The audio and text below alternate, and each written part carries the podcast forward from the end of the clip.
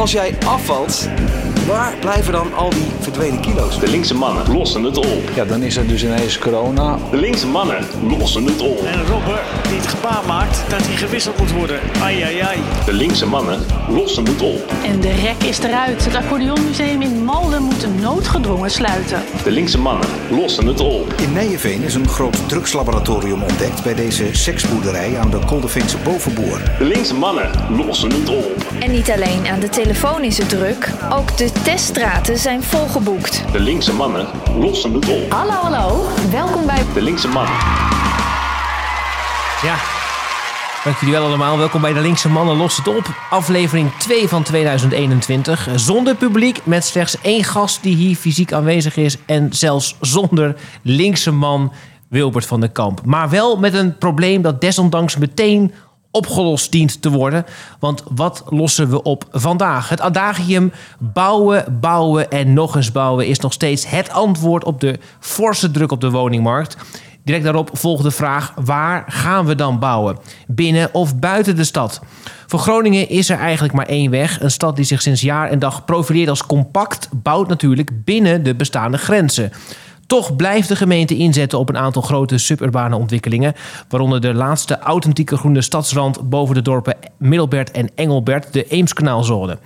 Is de waarde van die groene corridor niet veel te groot? Hebben we die ruimte echt nodig voor woningen? En als er in een stad een suburbane opgave bestaat, is die dan niet beter op zijn plek in de randgemeente? Waarom toch bouwen op maagdelijk land? Dat lossen we op vandaag.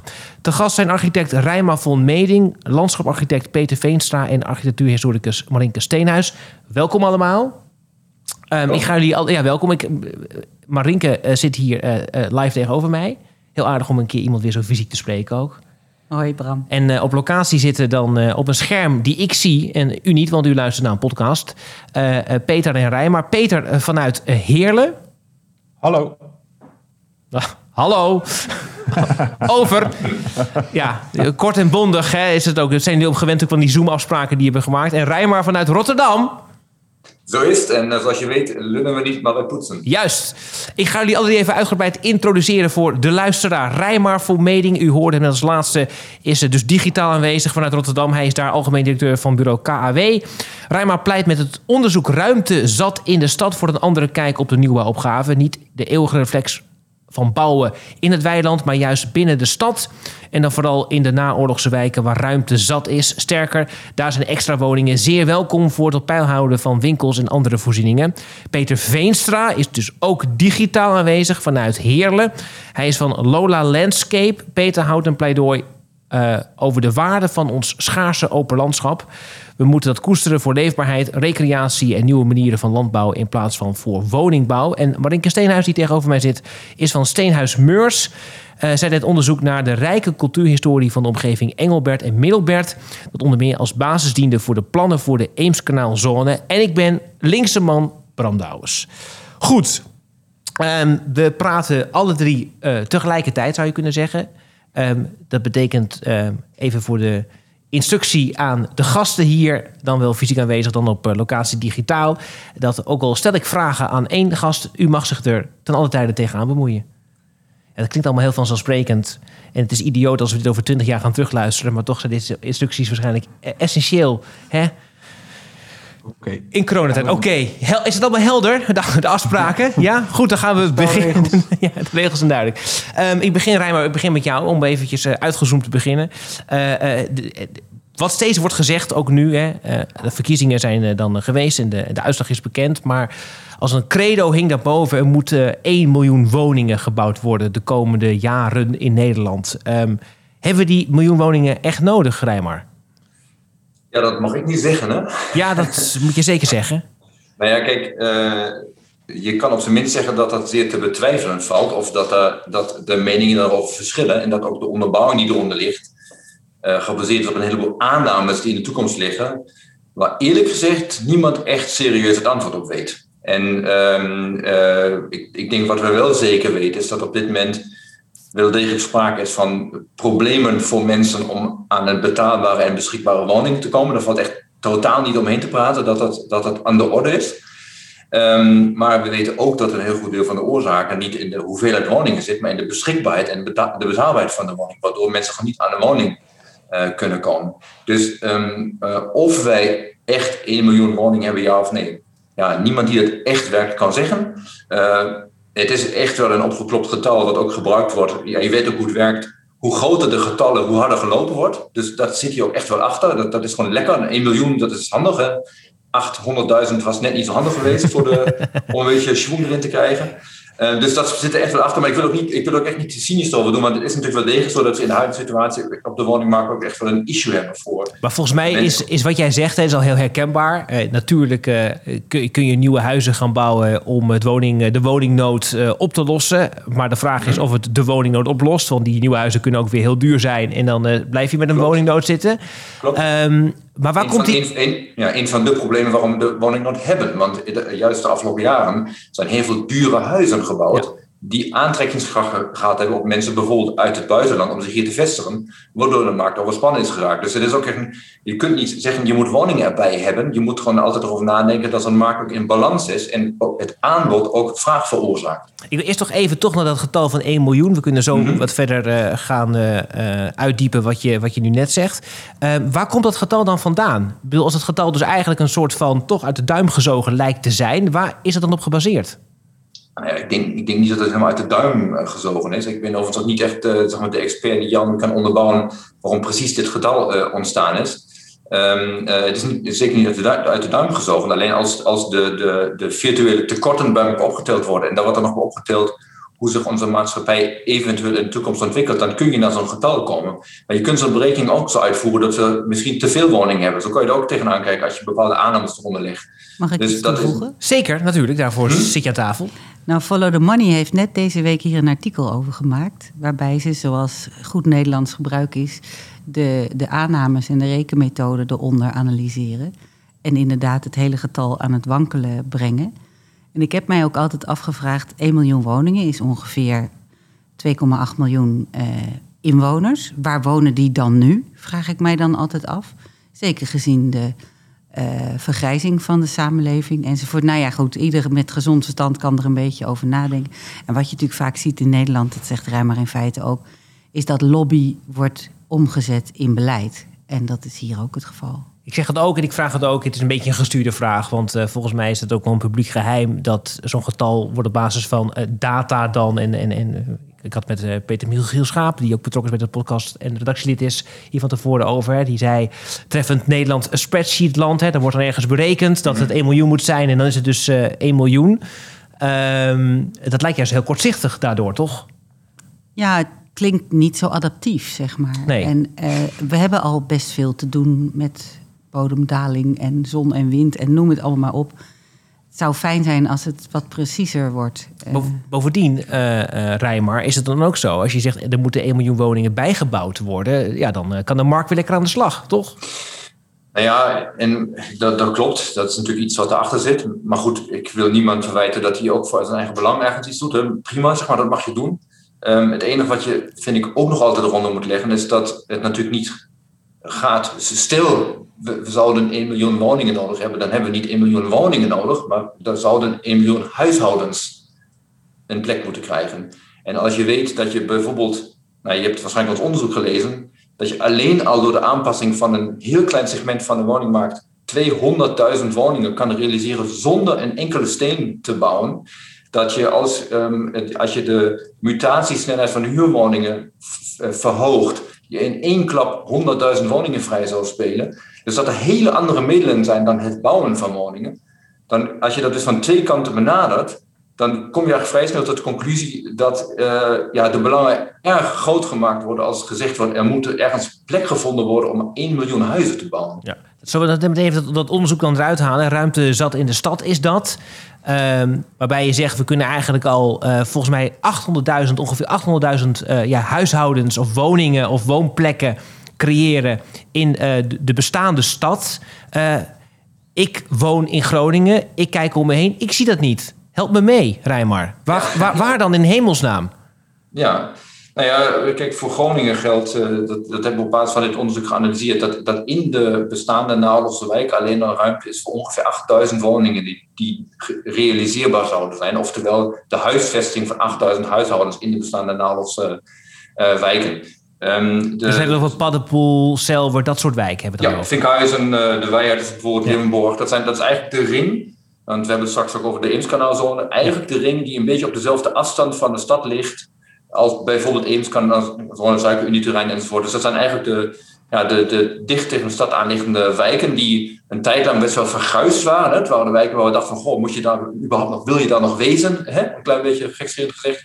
Maar we nu ineens van concluderen, hé, hey, dat zijn eigenlijk de wijken die nog een openbaar vervoersnet hebben, die heel dicht op de stad zitten, die, die heel bereikbaar zijn en waar dus een enorme potentie in zit. En die, die eigenlijk uh, in heel Nederland en ook in Groningen uh, de afgelopen jaren enorm uitgedund zijn. Want uh, Rikke Stem noemde net het aantal mensen wat tegenwoordig in een woning woont. Dat is eigenlijk nog maar in Nederland gemiddeld 2,2. Ja. En toen die wijken gebouwd waren, was dat 3,5. En 50 jaar geleden we leefden in die wijken dus 40% meer mensen. Dus die wijken die zijn enorm uitgedund. En ik zeg dus altijd, voordat we ons afvragen hoe, hoe kunnen we, eh, worden die wijken niet te vol, is de vraag, kunnen we ze weer naar niveau brengen dat, dat die wijken zijn leven vatbaar zijn? Maar, hoe, maar, maar, hoe moet ik dat dan voor me zien? Dat we house sharing gaan doen uh, door middel van loting? Of uh, lekkere optoppingen in, in heel Paddenpoel? Nou ja, kijk, zoals altijd ligt de waarheid niet bij één oplossing, maar bij een hele genuanceerde kijk ah. Eh, in, bij, de, bij de opgave. En kijk, wat wij gezien hebben is dat je op verschillende manieren in die wijk aan de gang kan gaan. Je kan wel degelijk uh, bijvoorbeeld uh, bestaande woningen die echt groot zijn, uh, herverdelen. Dat is, dat is een heel simpel middel. Dat klinkt heel smerig als je het over woningsplits hebt, want dan komt heel snel de huisjesmelker gevoelsmatig om de hoek kijken. Hè? Maar als je je realiseert dat veel van dit soort woningen in de wijken tussen de 70 en 100 vierkante meter zijn. En als je dan van drie woningen twee maakt, dat kan heel goed en dan komt een prima woning uit. Maar dus dat, dat kan echt wel. Dat is een, dat is een middel. Maar je kan, er zijn heel veel restruimte in die wijken die, die door de mazen van de planologen vallen. Omdat als op zoek gegaan wordt naar woningen, uh, ruimte voor nieuwe woningen, kijkt men heel grofstoffelijk in Nederland. We zoeken gewoon hectaren om ergens wijken te maken. Maar we kijken niet naar de plukjes en de onderdelen in zo'n in zo'n uh, wijk. Je kan wel degelijk ook eens een keertje iets weghalen. Dat is ook niet erg om een keertje wat te slopen en, de structuur aan te passen. En wat als vierde in dat soort wijken uh, aan de orde is, dat zijn vaak wijken die, um, die hebben vaak redelijk ongedefinieerde wijkranden naar de infrastructuur, waar heel veel ruimte zit, waar je dus zowel stedenbouwkundig ook een kwaliteit kan toevoegen. En eigenlijk zonder die wijk over te belasten, ruimte hebt om daar nog woningen toe te voegen. Ja, nu komen we eigenlijk al uh, in, in een hele korte tijd binnen een kwartier bij de oplossing. Nou zouden we het programma kunnen staken en Peter niet weer aan het woord laten. Dat gaan we niet doen. We lullen niet, we poetsen. Ja, inderdaad. Dat is de Rotterdamse en Groningse mentaliteit. Niet die van Heren, geloof ik, hè Peter? Uh, nee, hier... Uh, Want je, zit al, je hebt al een paar flessen wijn voor je staan, zie ik ook. is dat zo? Nee, ik maak een geintje. Um, maar ik wil nog even terug naar... Ja, je dacht, ik ga je een vraag stellen. Dat ga ik helemaal niet doen. Ik ga je gewoon... ik, ga, ik ga gewoon weer naar Rijmar. Ik wilde nog eens... Eh, je komt zo maar misschien, uh, misschien kan ik voor de discussie dan nog wat toevoegen. Graag. Want dat zijn wel mooie rekensommen, Rijmar, die je maakt. Um, en ik, ik ken ook wel dat soort studies van nauwelijks wijken... waar je dan heel makkelijk nog eens even een paar duizend woningen bij zet. Toch zie je vaak dat ook in de werkelijkheid het toch een stukje moeilijker is... En ook dat in dat soort wijken de enige kwaliteit, echte kwaliteit die er is, het groen is. En dat ook, hè, we hebben het nu vandaag over het sparen van het landschap, maar je, je, kunt het ook hebben over het sparen van het groen in de stad.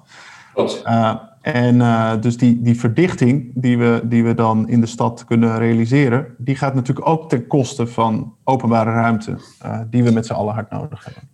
Ja, dat is nou precies hetgene wat ons uh, uh, in die wijken juist opviel, wat er uh, juist de grote kans is. We, hebben nu op basis van het onderzoek al een, een, heleboel, niet studies, maar gewoon projecten die hier draaien.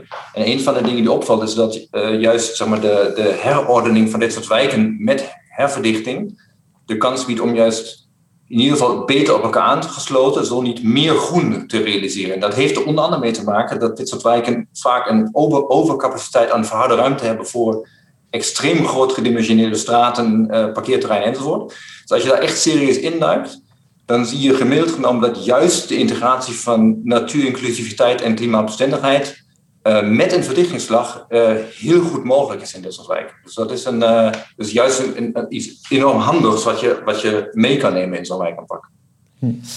Um, laten we, ondanks dat een deel van de oplossing nu net is gepresenteerd, toch nog even een stap teruggaan en onderzoeken waarom dan dit vaak niet de oplossing is die een gemeente of wie dan ook toepast.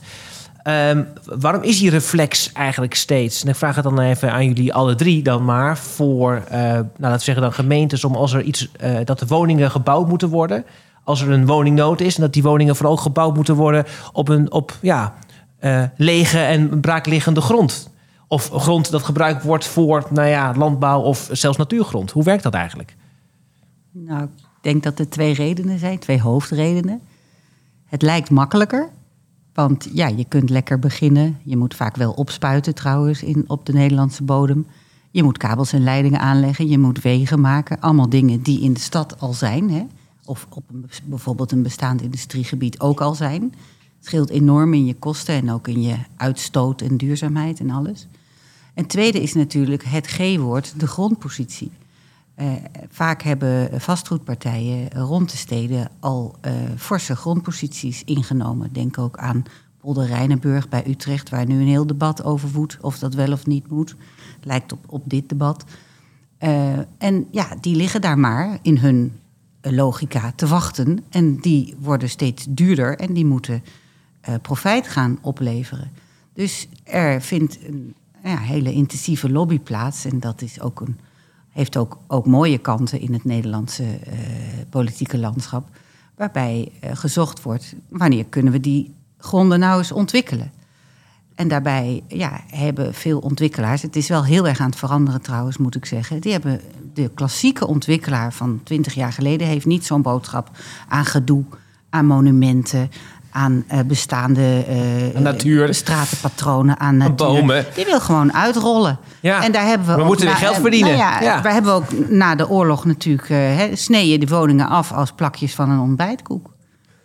Toch, toch even nadenken hoor. Wat, hoe, hoe, hoe ziet dat voor me? Dat is... Nou, er werden veel standaardwoningen oh, ont ontwikkeld. En die kon je gewoon. En architecten kregen vaak Wissing, is een beroemde architect. Die kregen een gulden per woning want die had standaardwoningen bedacht. Oh, op die manier. En die werd, dus ah. sommige architecten ah, ja. zijn ook knetterrijk geworden. Ja. Uh, Nefkens, Wissing, dat soort bureaus. Omdat uh, die ook een alliantie aangingen met de bouwwereld. Nou, Rijmar, is het programma heet De Linkse Mannen lossen het op. En als wij dit soort dingen horen, dat eigenlijk dus dan de markt bepaalt uh, vervolgens hoe de stad eruit ziet. Hè. Dus ook al is een plan, bij wijze van spreken, en daar komen we zo meteen nog over te spreken. 20 jaar oud, dan toch moet het uitgevoerd worden. Want ja, inmiddels de, de grond is verkocht en we, moeten er, we moeten er geld op verdienen en zo. Dat kan toch niet? Het gaat toch over wonen, hoe ik wil wonen. Het gaat toch over hoe de stad eruit ziet, de leefbaarheid en zo. Dit is toch een verneukt systeem? Ja, nou, kijk, ingewikkeld. Ja, precies. Uh, kijk, het uh, wat wel grappig over die, over die plakjes en die, die dingen. Uh, Marieke, ik, ik vind onze huidige bouwpraktijk, wat in nieuwe wijken gebeurt, er ook niet veel anders op lijken dan dat we Klopt. fabrieken aan het maken zijn waar een bepaalde woning uitkomt. En ja, die moet dan gewoon duizend keer gemaakt worden, want we hebben die fabriek nou maar gebouwd. Ja, dan wordt het eenmaal deze woning. Dus op zich zijn we er niet zo heel veel verder in gekomen de afgelopen jaren. Maar wat je zegt over dat... Uh, kijk, grond is natuurlijk een issue, want, want dat is een van de weinige bronnen van inkomsten van een gemeente. Um, en het lastige is dat wij heel de tijd een discussie aan het voeren zijn over de, de kosten van het wonen, het aanleggen van het wonen, maar nooit over de totale maatschappelijke lasten en kosten. En dat is het hele probleem. Als ik de, in de gemeentekast de sociale lasten en kosten zou mogen koppelen aan de vastgoed opbrengsten, dan zouden we een heel ander verhaal hebben. Alleen dat gebeurt niet. We zijn, Nederland was vroeger verzuild, dat heb ik net niet meer meegemaakt, en dit is nu verkokerd. Hè? Alle, alle potjes zitten in verschillende afdelingen, waardoor we niet meer naar dat totale verhaal aan het uh, kijken zijn. En als ik de gezondheidskosten die je moet maken omdat je heel veel autogebruik hebt, omdat je alle wijken buiten bouwt, afweegt ten opzichte van de aanleg van één tram, ja, dat is lang en breed uitgerekend dat het gewoon veel voordeliger is als je naar het geheel kijkt. En ik denk dat daar, nou ja, als je graag als linkse man die op wil treden, volgens mij echt een, een nieuwe ja. opgave hebt om over ook een andere manier van denken en een andere uh, manier van besturen na moet denken als je dit soort uh, problemen wil oplossen. En dat is niet heel veel woningen op de markt pompen. Nee, ik weet dat Peter, dat is toch een soort van uh, een halve linkse man, zou je bijna kunnen zeggen. Toch, Peter? Ja, jij, jij, maakt je, jij maakt je hier uh, druk over. Jij, jij vertelt hier zelfs uh, eh, mensen die wel zo denken over dat ze anders moeten gaan denken? Ja, ehm, nou, gek genoeg is, is eh, landschap soms ook best rechts. Daar, daar ben ik pas recent achter gekomen. Dat was wel eh, bij een project, eh, gingen we een bos aanleggen. En toen zei op een gegeven moment onze partner, die zei, ja, ik hoop wel dat dat rechtse bestuur aanblijft. Want anders dan kunnen we dit project wel vergeten. En daar snapte ik helemaal niks van. Maar de, de, dat, daar was het dus zo dat, dat de hele woningbouw op zijn gat lag. Eh, en, die, en die bouwbedrijven eh, gewoon andere dingen te doen eh, nodig hadden. En toen hebben ze maar natuurprojecten met heel veel ecoducten bedacht. Waar ze dan toch weer beton kunnen storten. Ja, wat leuk. Maar goed, dat was even een zijpaadje. Ja, ja heel goed. Oké. Ik weet niet of het nou een antwoord op mijn vraag is, maar eh, Nee, toch is het een leuke anekdote. stel je vraag nog een keer. Nou ja, ik, ben, ik ben hem ook kwijt. Ik ben nu zo van, van, van het pad af. Door de, dat, je ziet een ecoduct, je denkt de gemeente is goed bezig... maar eigenlijk nog gewoon weer een manier om eh, die bouwbedrijven aan geld te helpen. Ja, ja, ja dat eh, vond ik ook wel opvallend. Ehm, Ja, Dat onderzoek, hè, nog even, ik, dan gaan we door en dan gaan we wat inzoomen ook op, op de situatie hier in, eh, in Groningen en in Engelbert en in Middelbert. Nog even naar dat onderzoek ruimte, in de, eh, ruimte zat in de stad eh, ehm, eh, van jou, Rijmar. Ehm, w- wordt er geluisterd naar zo'n onderzoek? Merk je nu, nu dat het is dat, dat gemeenten misschien anders gaan kijken naar hoe ze meer woningen kunnen toevoegen?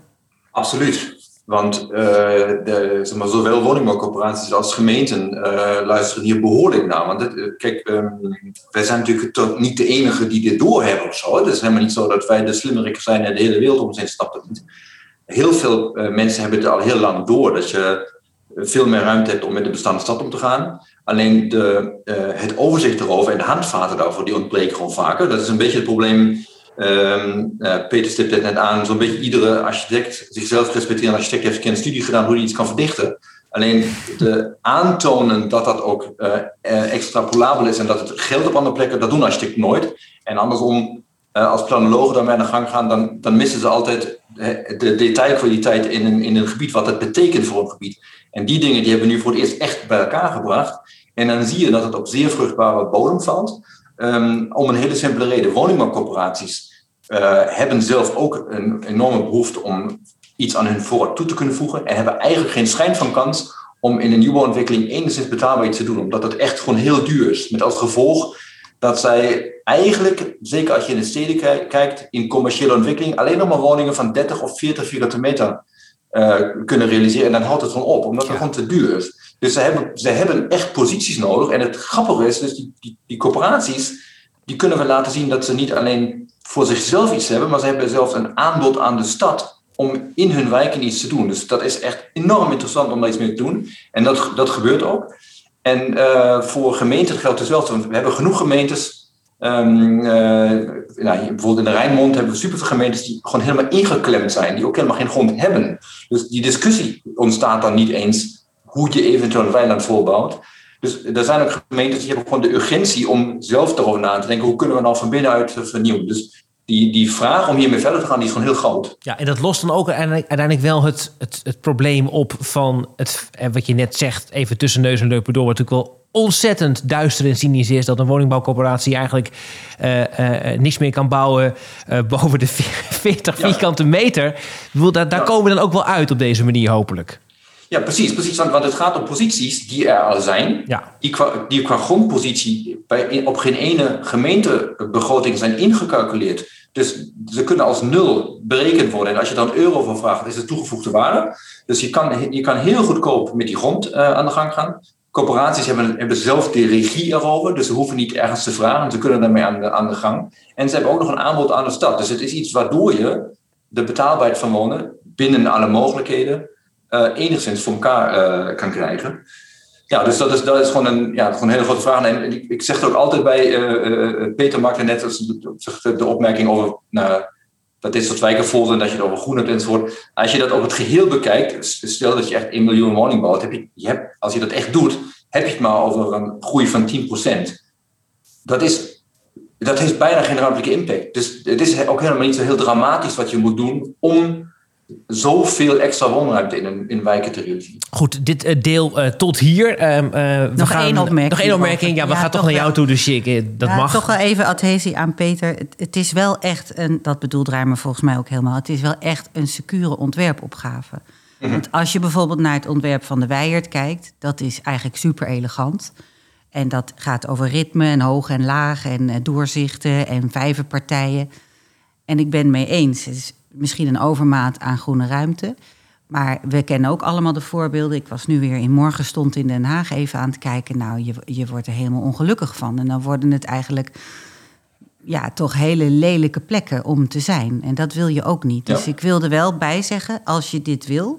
dan eh, zal je die corporaties ook moeten helpen met die toolkit... om het ook eh, ja, plekspecifiek te doen. Want de Weijert is ook weer anders dan Vinkhuizen. Heel anders. Klopt. Nee, maar dat is op zich leuk dat je het zegt, want kijk, jouw professie is ook de cultuurhistorie.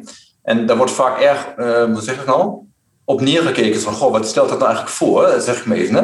Terwijl, terwijl, terwijl ehm, juist dat een sleutel is waar wij nu gebruik van maken. Dat we een scheiding maken tussen die dingen die goed zijn en die je niet dan kapot ramt en overal iets tussen zet. Maar net zo goed zijn er dingen in die periode gebouwd die ook gewoon niet goed zijn. Hè? Klopt. Want niet, niet alles is goed. Wij maken ook En- vaak kaarten, wat kan weg? Precies, precies. En, en daar kan je gewoon precies naar kijken. Je moet er niet met een houten hamer op slaan, maar je moet er gewoon precies naar kijken. En dat vind ik ook zo waardevol aan jullie werk in dit hele verhaal, omdat je daarmee ook veel preciezer kan kijken hoe je nou kwaliteit realiseert. Nou, Rijmar maakt echt een- de, de, de, de droombrug op dit moment voor mij. Echt, eh dank je wel. Eh, eh, want we gaan praten over de waarde van het landschap en de cultuurhistorie hier in, eh, hier in Groningen. Eh, hoe gaan we daar in Groningen eigenlijk mee om? Doen we dat een beetje goed? Nou, Rabber ma- maakte net over mijn, onze professie cultuurhistorie een interessante opmerking dat erop wordt neergekeken. Dat is eigenlijk niet onze ervaring overal. Eh, we draaien nu twintig jaar dit bureau en we merken eigenlijk alleen maar een versterking van de vragen en ook steeds interessantere vragen. Ik denk dat eh, het wel zo is dat iedere stad, iedere gemeente, laat ik het even bij Nederland houden, eh, op een bepaald punt is in het eh, omarmen van cultuurhistorie als domein wat je kunt gebruiken. En het ook een beetje eng vindt van ja, of, of, of ballast, mag ik dat woord ook gebruiken? Moeten we dat er nou ook nog bij betrekken? Als je ook in dat programma van IJzer kijkt, wat voor, eh, voor, voor Meerstad is gemaakt, hè? Eemskanaalzone, sorry. Dan, dan zie je, ja, er, loopt, er moet een snelweg, er loopt een hoogspanningsleiding. Er, er is van alles aan, aan toestanden. En jeetje, ook nog dat landschap. Terwijl wij, wij, keren, wij keren hem natuurlijk Ja. graag om. Hè? Eh, de, de titel vond ik interessant. Bouwen in maagdelijk landschap. Nou, het is verre van maagdelijk. Het, het, het is ontzettend vaak al omgevormd. Steeds weer opnieuw naar de behoeften van de tijd. Eh, en ja, die verhalen vertellen, dat klinkt zo makkelijk. Maar het gaat er ook om, precies als bij het onderzoek van Rijmaar... hoe kun je ook aanbevelingen doen, een toolkit maken... het duiden, het lezen, het analyseren... zodat ontwerpers er wat mee kunnen. En ik denk wel eh, dat daar een punt zit. Dat, eh, nou ja, voor veel ontwerpers is het nog iets erbij. Je hebt liefhebbers hoor, die, eh, die zijn er absoluut. Ehm, en dit speelt natuurlijk ook een beetje van... ja, gaan jullie cultuurhistorie ons nou vertellen... hoe wij, eh, hoe wij dit ontwerp moeten maken? Maar is het, is niet, is het niet de, taak van een gemeente om ervoor te zorgen dat dat landschap of de cultuurhistorie van een plek überhaupt gewaarborgd blijft? Nou, het is interessant hè, als je naar eh, Amsterdam en Parijs kijkt nu. Ik noem even zo twee steden. Twee steden, ja. Even zo. Hè, hè. vergelijkbaar met Eh, Groningen Dan ongeveer. zie je dat ja. de burgemeester van Parijs, een vrouw, eh, nu de Champs-Élysées radicaal aan het vergroenen is. Hè. Er is echt iets heel bijzonders op gang aan te komen daar. Iets dergelijks geldt voor Amsterdam met de wethouder van Doornink. Radicaal vergroenen is een van de strategieën. Daar kun je van alles op afdingen. hè. Je kan zeggen dat is greenwashing, want ze gaan ook hoog bouwen. Is allemaal waar. Maar het bewustzijn dat landschap in en rond de stad van levensbelang is voor de longen, voor het welzijn, voor het recreatieve be- welzijn van bewoners. Denk eens aan het woord recreatie, zo'n mooi woord. Hè? Recreëren, herscheppen, jezelf herscheppen. En dat doe je in het landschap. En dat weten we eigenlijk al nou, vanaf Rousseau of al eerder hoe belangrijk dat is. Steeds belangrijker in een wereld die ook aldoor maar gedomineerd wordt door er zijn, aanstaan, ook online. Ehm, en dan zou ik zeggen, als je een stad als Groningen hebt, waar ik geboren ben, dat is misschien eh, ook mijn extra eh, emotionele motivatie erbij. En je ziet een stadsflank aan de oostkant die er nu bij hoort, eh, waar je eigenlijk een prachtige meerstad hebt gemaakt met een plas. En nou ja, het, het, het, het ziet er gewoon heel goed uit. Ik vind het echt hoge kwaliteit. En er ligt nog een flank tussen. Ja, dan denk je, wauw, weet je. En daar liggen nog van die elegante dorpslinten met, met gemeenschappen die heel hecht zijn. Dat nou ja, hebben we allemaal onderzocht natuurlijk en die mensen ook geïnterviewd. Het was een heel bijzondere tijd. Ehm, dan zou je zeggen dat omarm je, dat koester je. En daar kun je absoluut iets in veranderen. En dat moet vaak ook. Je wilt het ook niet op slot zetten. Maar je, nou, wij hebben onderscheiden een snel landschap en een langzaam landschap Ja. hè, in het rapport. Ook om te proberen in de taal van ontwerpers ook en, en beleidsmakers te zeggen van nou. Die zone rond Eemskanaal Damse Diep is al 150 jaar in transformatie. En daar, daar zit een soort snelheid, doorlooptijd ook van vastgoed en gebouwen die wat hoger is. Terwijl in die dorpslinten, daar is een soort langzame wereld. En dat merk je ook als je daar komt. Je vertraagt zelf ook op een hele prettige manier. eh, die eh, eigenlijk hele andere kansen biedt. Je praat natuurlijk al heel erg over het, eh, het, het, het mooie en, en uitgebreide onderzoek dat je hebt gedaan naar, naar Engelbert en Middelbert. En de meerdorpen moeten, ze, moeten we ze noemen. En het eh, stuk tussen de stad en nu, eh, nu Meerstad. Ehm, daar gaan we zo nog wat specifiek over spreken. Ik wil toch eerst ook even met jou uitzoomen, eh, als je het me toestaat. Ehm, want de ruimte die die stad inneemt, ook Groningen inneemt, is na de oorlog eigenlijk steeds groter en groter geworden. Ehm, eh, wat zijn de mechanismen daarachter? Nou ja, dus Groningen is natuurlijk als stad absolute heerser van zijn omland. Dat is een. Ja. ja, zo- moeten we daar trots op zijn? Nou ja, dat, dat, is niet, dat is gewoon een gegeven.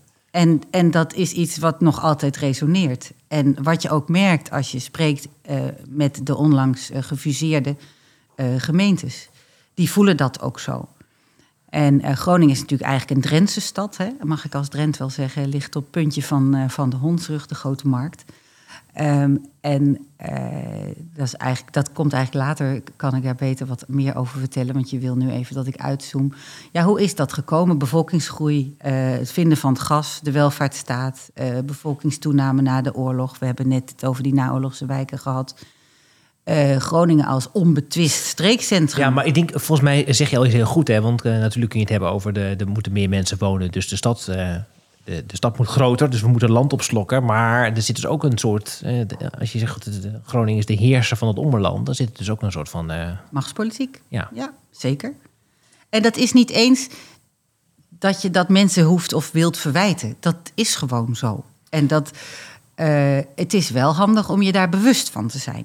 Nou is het zo dat, en dat moet je mij maar corrigeren, dat, dat, dat, dat weet je ongetwijfeld beter dan ik het weet. Dat, eh, ik, ik was ooit, ben ik vaker geweest in het Veen Koloniaal Museum in Veendam. Prachtig museum, Ja. ook over de geschiedenis van het ommerland in verhouding tot de stad. En dat, pas daar kwam het tot mij dat de namen Veendam, Stadskanaal. Winschoten allemaal namen zijn die, die de stad heeft gegeven aan plekken waar iets te halen was. Toen dacht ik, oh jee, wat een stelletje klootzakken zijn die altijd geweest in, eh, in, in de stad Groningen. Dat klopt toch, of niet? Ja, dat klopt helemaal. Ja. Het Stadskanaal, Ja. nou, is vrij, vrij duidelijk Ja, is vrij duidelijk, ja. En, en daarmee, ja, ik, ik gebruikte wel eens het woord koloniedenken voor. Hè. Daar zijn we natuurlijk heel goed in. We moeten van- Groningen de stad delokoloniseren. Nou Dat ja, vanuit mooi. de VOC en zo. Het koloniedenken is, is een begrip wat wel handig is daarbij.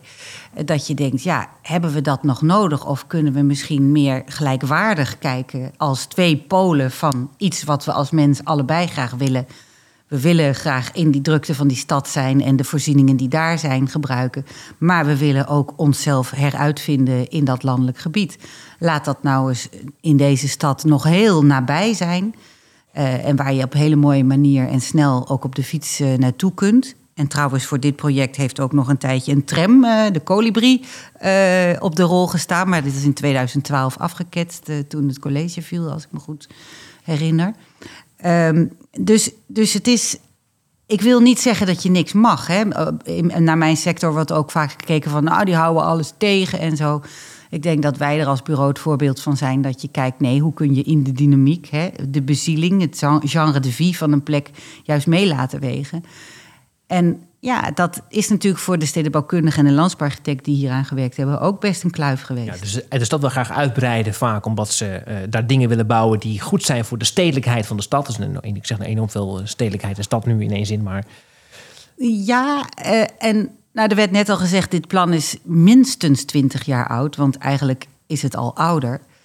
Uh, en het heeft ook, mensen denken altijd, ja, je hebt een plan en dat rol je uit en dat is er dan. Zo wordt er ook vaak naar de geschiedenis gekeken. Maar als je naar de plannen voor de Eemskanaalzone kijkt en naar Driebond en Euvelgunne, die, die industriegebieden die langs de A7 liggen, die zijn er eigenlijk ook per ongeluk gekomen. Ja, die A7 kwam in 1973, hoera, hoera. Uh, en, ja, dan vraagt zo'n snelweg natuurlijk om de vestiging van macro's, sligro's, Ikea's en noem maar op. Dus het is een soort uh, en het is grondpolitiek daarmee tegelijkertijd. Um, aanvankelijk was deze flank van de stad voor grote arbeiderswijken bedoeld. Dus die zijn. Je, je gaat ja. weer meteen naar het plan toe. Dan begrijp ik. je wil heel graag dat bewaren we tot het einde. De luisteraar moet blijven luisteren. Oh ja. ja. Nou, Want de afrekening met dit plan vindt op het eind plaats, toch, mevrouw? dat, dat hoort u straks. Ik wil nog... te genuanceerd. Ja, oh ja, dat is heel goed. Dat mag ook. Um, maar ik wil graag naar Peter toe, want Peter is uh, onze landschaparchitect. Dus die kan iets zeggen over dat landschap. Hè? Um, uh, want uh, we zijn geneigd om het landschap net buiten de stad vaak te gebruiken voor mensen in de stad die er kunnen wonen, of voor bedrijven in de stad die niet hun bedrijf kunnen plaatsen in de stad, wat dan ook. hoe zouden we beter gebruik kunnen maken van de landschappen rondom de stad? Um, nou ja, wat je ziet in die, in die uh, rand van de stad is dat, dat er uh, sommige plekken worden gebruikt om daar naartoe te gaan en, uh, en, en van het landschap te genieten. het is ook de plek waar alle sportvelden en, en andere dingen die, die binnen de stad niet meer passen, naartoe worden geduwd. het is ook de plek waar, waar de, echt de achterkant van de stad is. Hè? Dus, dus de lelijke groezelranden, die, die kun je er ook vinden. Uh, dus het is, het, er is niet één uh, rand van de stad in die zin. Hè. Dat zie je ook wel in Groningen. Er zijn natuurlijk uh, ook mooie stukken en, en lelijke stukken. Um, maar ik denk wat Groningen heel bijzonder maakt, als je even op de kaart van Nederland bekijkt, is dat het zo geïsoleerd ligt. Hè. Die, die heerser van, van de regio.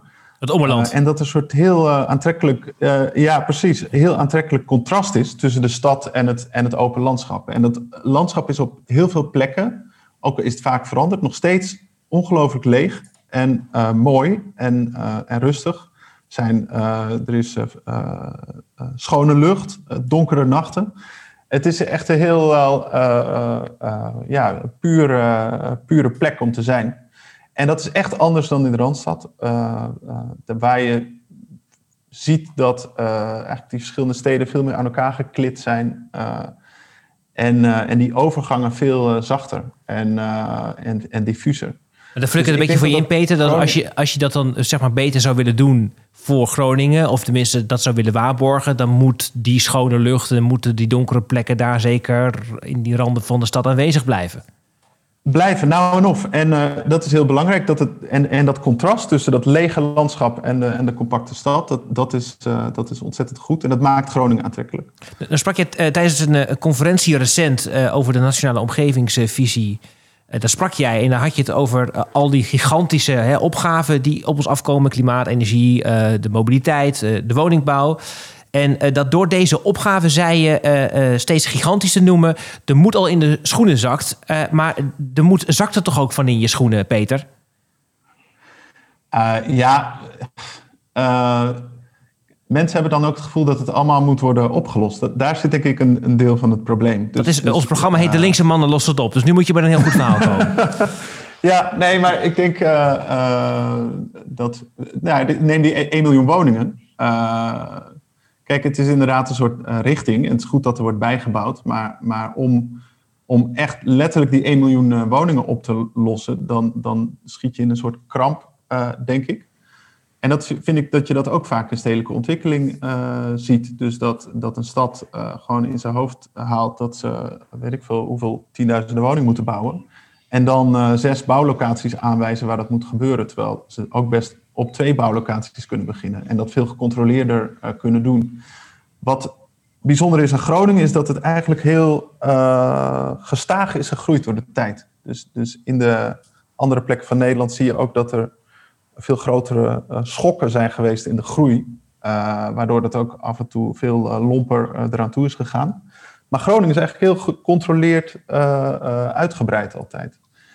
En uh, ik denk dat dat moet je gewoon ook wel gecontroleerd blijven doen. En niet in een soort paniekstand gaan zitten om, om ja, nu het in één keer allemaal op te lossen. Ja, goed. Um, uh, laten we, het hangt al als een, als, een, als een donkere wolk of als een lichte wolk, hangt het al boven dit gesprek natuurlijk. Laten we gaan praten over die Eemsknalzone. Volgens mij heeft Marinke net heel goed uitgelegd om welk gebied het gaat. Zou je nog één keer kunnen uitleggen voor de luisteraar die nu wel een beeld heeft, maar niet helemaal. Waar, waar spreken we precies over als we het over de Eemsknalzone hebben? Niet alleen over het gebied langs het Eemskanaal, maar eigenlijk ook uh, op de planologische kaarten over de dorpslinten van Engelbert Middelbert en ook over Euvelgunnen en zelfs tot aan Rode Haan. Ja. Waar overigens Driebond, Meerstad zijn bedacht. Oh ja. Ja. Dat is een heel ander, andere linkse mannen losstop, denk ik. Maar Ja, maar het, het hoort wel allemaal bij elkaar. Hè? Ja. Hoe wordt een gebied, zo'n flank van de stad, ja, ook als een soort... Tuurlijk, ze moeten ergens kwijt, maar het wordt bijna nu als een soort dumpplek. De- eh, ja. ja. Dat is trouwens, eh, dat, dat moet niet de bedoeling zijn. Het is een programma eh, van Eisen is eh, geschreven. Dat gaat, als ik het goed heb, in april naar de raad hierin eh, ongeveer. Het wordt nu om me heen allemaal gezeind. Maar in ieder geval, dat is dus nu aan de hand. Je hebt alle drie gelezen en bekeken. Ik begin bij jou, Marinke. Wat vind je ervan? Ik denk dat er binnen de mogelijkheden, is genuanceerd antwoord, het uiterste best is gedaan om een goed, mooi woonmilieu te maken, wetende dat het woonmilieu qua aantallen ook is opgepompt gedurende het Maar proces. dan moeten 2100 woningen Ja. gebouwd worden. Hè? Ja, Dat, is het hele, dat, dat staat in dat Ja. programma. Ja, en Als je, dat is best een groot aantal als je dat bedenkt. Natuurlijk zijn dat niet allemaal huisje, boompje, beestje woningen. Het zijn ook appartementen. Hè, de, in, met name langs die Eemskanaalzone. eh in die Eemskanaalzone kun je ook wat, wat, wat dichter bouwen, om het zo te zeggen. Ja, en een van de pleidooien die wij toch in het onderzoek is, hebben gedaan... is als je nou dat snelle en dat langzame landschap eh, als uitgangspunt zou nemen... dan betekent dat ook iets voor de intensiteit van waarmee je bouwt. En, en ook voor eigenlijk eh, de groene routes of ja, de, de, de flank die je zo leeg mogelijk houdt rondom die dorpen. En dat zeg ik niet alleen vanuit de bezorgdheid die evident bij die dorpsbewoners leeft... Want ja, die zijn wel aan de rand van de stad ooit ook hè, als Ja, die pioniers echt begonnen. op- opgeslokt. Ja, nou ja, Ja, dat, is stad, natuurlijk, ja. eh, dat is natuurlijk eh, met Sloot in Amsterdam ook gebeurd. Maar het is wel, eh, mis- misschien is het ook goed om je af te vragen of zo'n blauwdrukplan van lang geleden. Ja, of je daar misschien ook in deze tijd met alle aandacht voor gezondheid, eh, recreatie en alle ruimtelijke claims die er liggen. En ook toch mag ik noemen het systemische niveau, waar Peter heel veel over weet, van bodem en water, inklinking van grond, eh, waterberging, eh floodplains, noem het allemaal maar op. Dat je toch nog eens naar zo'n gebied kijkt, is dit nou de plek? Ja, goed. Rijmar, je hebt het ook gelezen, bekeken. Je reactie. Op het eh, plan voor Eemskanaal zal ik Ja. even- wat, wat, wat ik interessant vind is, ehm, eh, eh, Peter zei net, eh, Groningen is een stad die, nou, ik zeg maar even als traditionele stad in een open landschap ligt. Je kan er aankomen rijden, je kan, kan ze zien liggen, een beetje simpel gezegd. Maar wat ik aan Groningen ook altijd wel erg leuk vind, is dat er toch wel best wel veel restanten uit het verleden zijn die ineens ehm, eh, eh, extra kwaliteit geworden zijn. Nou, heel simpel, het Noorderplantsoen bijvoorbeeld. Dus, dat is gewoon strookvormige gebieden die, die, die ineens een extra kwaliteit voor die stad zelf zijn. En feitelijk, die hele Eemskanaalzone, dat, dat zijn eigenlijk oude snelwegen die op het water gelegd zijn, die zo, zo a-ecologisch als wat zijn. Hè? Dat is natuurlijk ja, ik weet niet hoe dat nu eruit ziet, maar ik, ik vermoed dat er heel veel zware olie in is en daar geen kikker in kan overleven, zeg ik maar een beetje gechargeerd. Ehm, of anders gezegd, volgens mij is er een enorme kans om dit soort eh, gebieden, juist zeg maar, die verweving en dat restant van dat soort structuren in Groningen, om die ook van kwaliteit te laten zijn ehm, in de stad zelf. En dat is natuurlijk vooral super interessant op die plek daar waar de, het wat centralere eh, gebied bij Damsterdiep eh gerestaureerd wordt. Want daar, haal je een stukje industrie weg en daar kan je overstappen naar een vrij interessant gebied, ook weer richting Peter, waar juist natuur en ecologie de stad in kan brengen, waar, waar je daar juist een voordeel uit kan halen.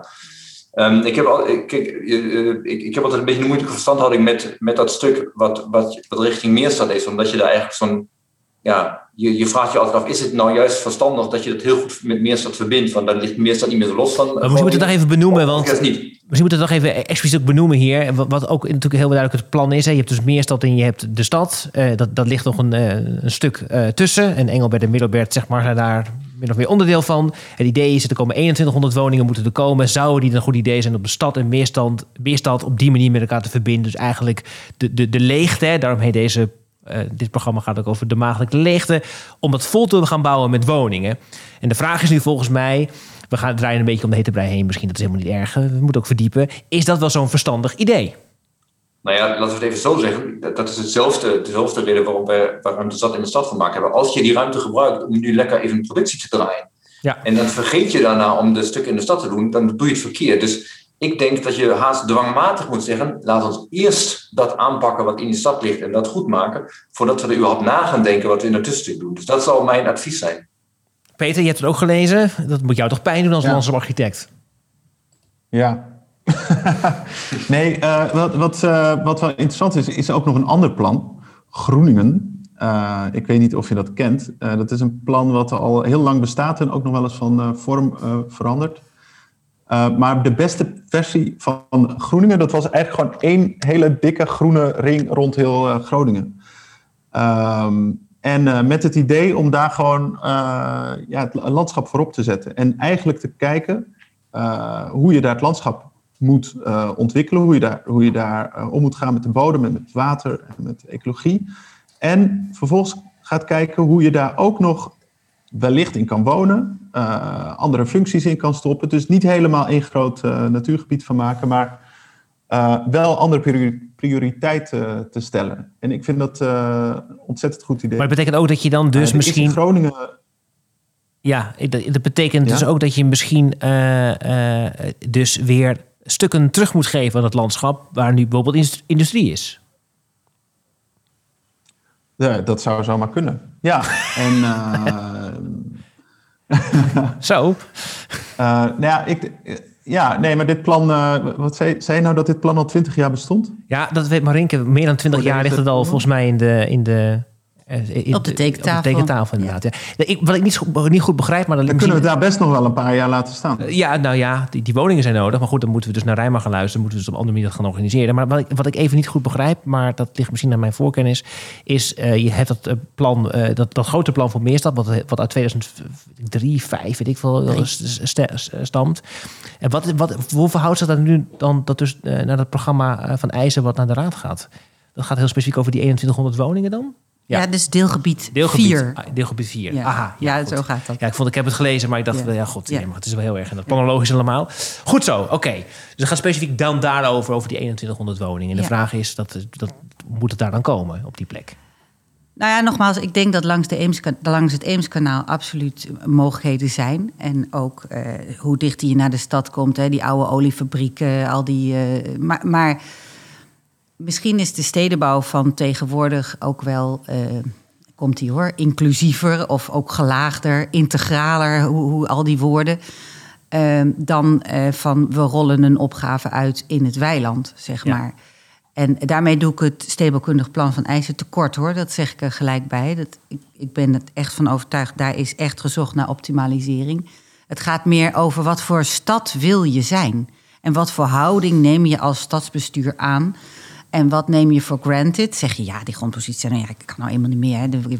Wekelijks bezochte ontwikkelaars en er moet wat gebeuren. En, of zeg je, en dan komt het woord planschade om de hoek, hè, overal en altijd. Van ja, nee, maar we willen toch iets anders. Of we spelen toch een aantal zones vrij. Een van de mooiste eh, plekken ook in het gebied is natuurlijk in Euvelgunne... dat beroemde verhaal van boer Ties Dijkhuis... die twee jaar geleden is gestorven.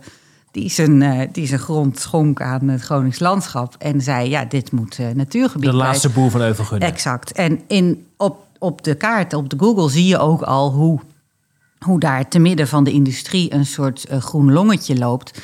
Wat eigenlijk een waanzinnig contrast is. Heel mooi ook. Hè? Dus ik zeg ook niet dat alles maar leeg moet blijven. Maar hoe kun je nou en bouwen. In, in welke dichtheid is dan een tweede, hè? op welke plek.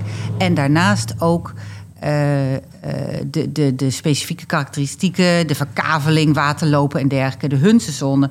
Eh, in dit geval was dat ja, integreren op een slimme manier. Er zijn ongetwijfeld, die zijn er ook betere alternatieven dan dat stuk land volbouwen met 2100 woningen. Maar toch is het zo, dat, dat gaf je het ook goed aan, Marinke. Die grondposities zijn er, hè, dus die ontwikkelaars willen graag bouwen en geld verdienen.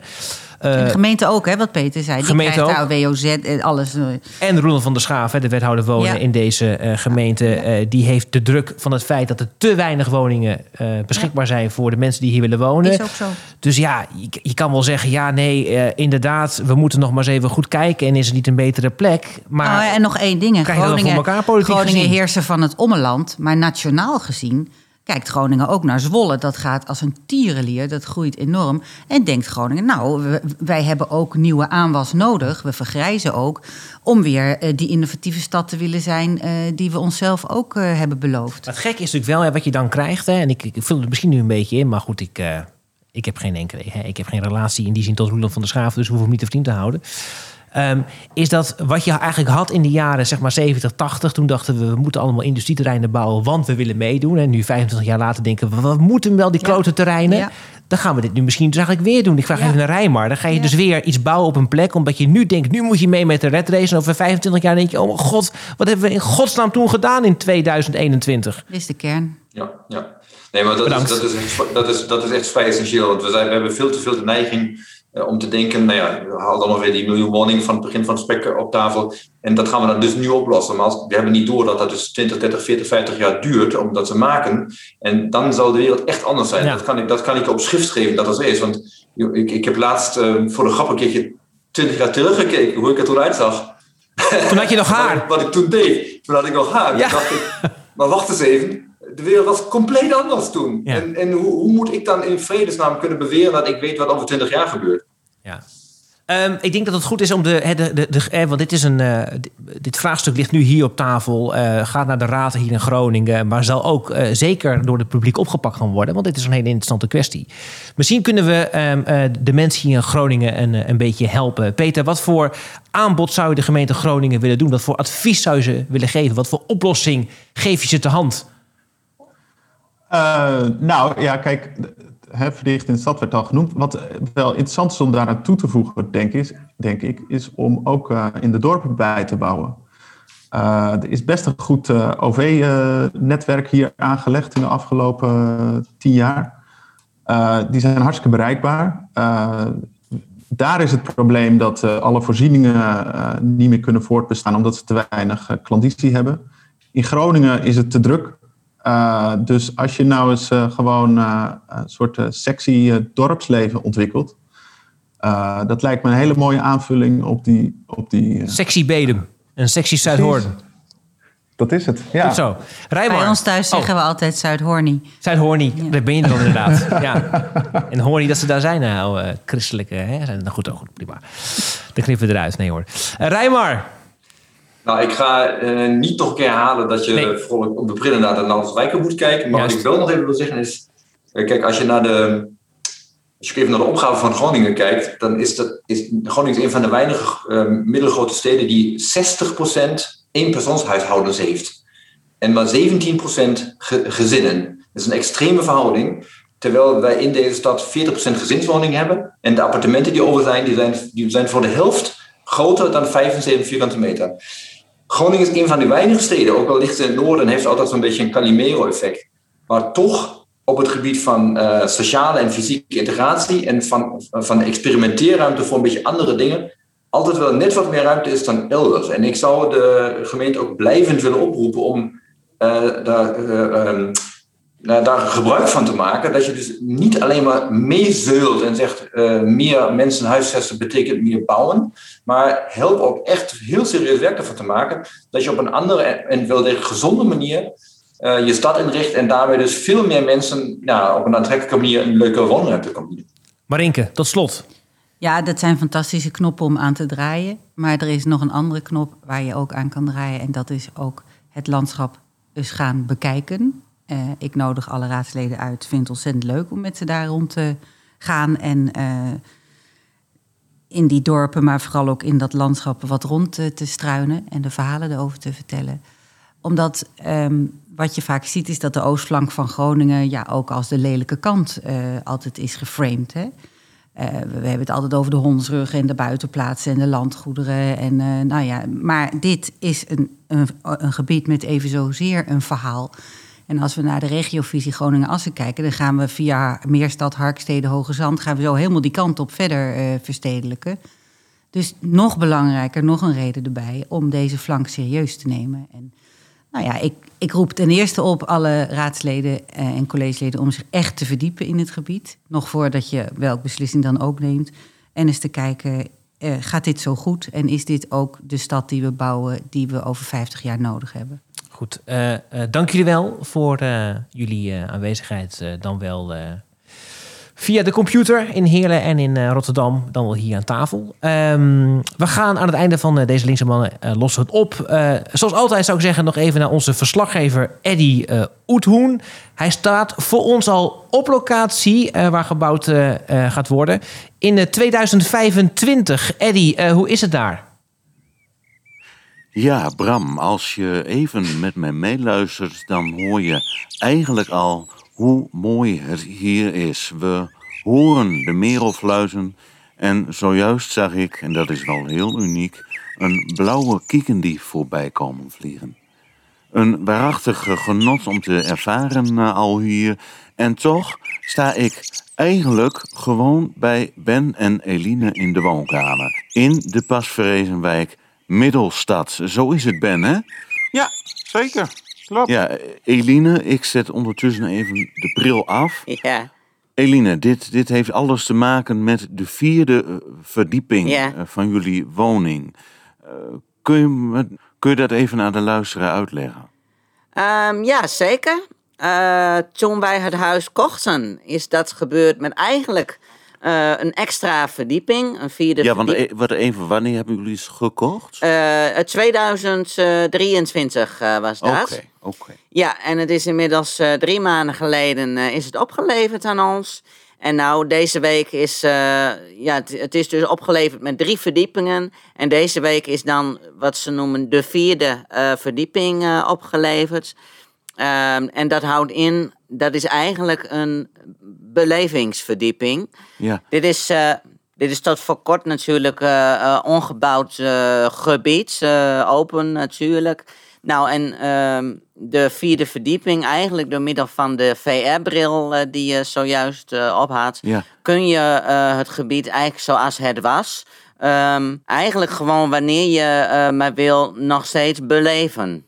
En wat, wat hebben jullie aan die verdieping? Want je, je kunt er geen spulletjes kwijt. Nee, we, nou, wat, wat het ons gegeven heeft, is we, we waren al eh, eh, blij met hoe we hier wonen. We, vonden, we vinden een hele mooie, strakke wijk eh, geworden.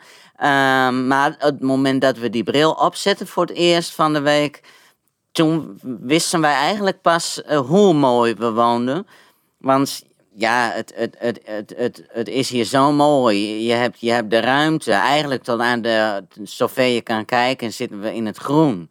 eh, met die bril op. En ja, we zeggen wel eens tegen elkaar van, wij hebben we dit aan verdiend. Het is, Ja. ja. Maar eh, ja, het is niet echt, hè? Het, het behoort eigenlijk, wat je ziet, behoort tot het verleden. Ja, maar ja, dan, dan, dan vergeet je dat we inmiddels natuurlijk wel met techniek zo ver zijn eh, tegenwoordig. Ja. Dat iets in het verleden zo was, wil niet zeggen dat dat nou er niet meer zou zijn. Hè? Ja, ja. Ehm, kijk, we hebben, als, je, als je de bril opzet, als, als het goed is, als je eh, die kant op kijkt, dan zie je een, een idyllische sloot zie je lopen met een houten bruggetje heel mooi erover en een treur, treurwilg. Nou, dat is hartstikke mooi, maar zet je hem weer af. Nou, dan kijk je naar een super strakke inbouwkeuken. Hè, en, mijn- en mijn espresso-apparaat heb je en mijn koeken. ja. Nou, en dat is ook heel mooi. En, en eigenlijk heb je ze nou allebei. Ja, ja. Nou ja, als je het eh, niet erg vindt, want ik, ik, jullie hebben een hele mooie keuken, dat, dat eh, is, is helder, maar ik, eh, ik zet dan toch de bril weer even op als jullie het goed vinden. Hè, want Ja. dan, eh, wou ik nog wel weer eens even kijken of ik die mooie kiekendief eh, weer voorbij eh, zie vliegen. Eh, ja, nee, nou snap ik. Ja, ga je gang. Ik heb hem ondertussen weer op en ik hoor ook het geluid weer. geluiden uit het verleden die toch ook op een zekere manier weer bij de toekomst horen. Pas op hoor, je loopt tegen de eettafel op. Oh, ja, wacht even. Bram, wat mij betreft weer terug naar jou. Dit Dankjewel. was Eddy Oethoen vanuit Middelstad. Nou, je kon toch zelf al, eh, al af, Eddie. Eh, Dank je wel eh, voor je bijdrage. Ja, dit was de tweede aflevering van De Linkse Mannen Lost het op in 2021. De volgende editie, en dat beloven we, is nog ergens voor de zomer. Houd de moed alle. Tot ziens. Als jij afvalt, waar blijven dan al die verdwenen kilo's? De linkse mannen lossen het op. Ja, dan is er dus ineens corona. De linkse mannen lossen het op. En Robber die het gebaar maakt dat hij gewisseld moet worden. Ai, ai, ai. De linkse mannen lossen het op. En de rek is eruit. Het Accordeonmuseum in Malden moet noodgedwongen sluiten. De linkse mannen lossen het op. In Nijenveen is een groot drugslaboratorium ontdekt bij deze seksboerderij aan de Koldeveense Bovenboer. De linkse mannen lossen het op. En niet alleen aan de telefoon is het druk, ook de teststraten zijn volgeboekt. De linkse mannen lossen het op. Hallo, hallo. Welkom bij De linkse mannen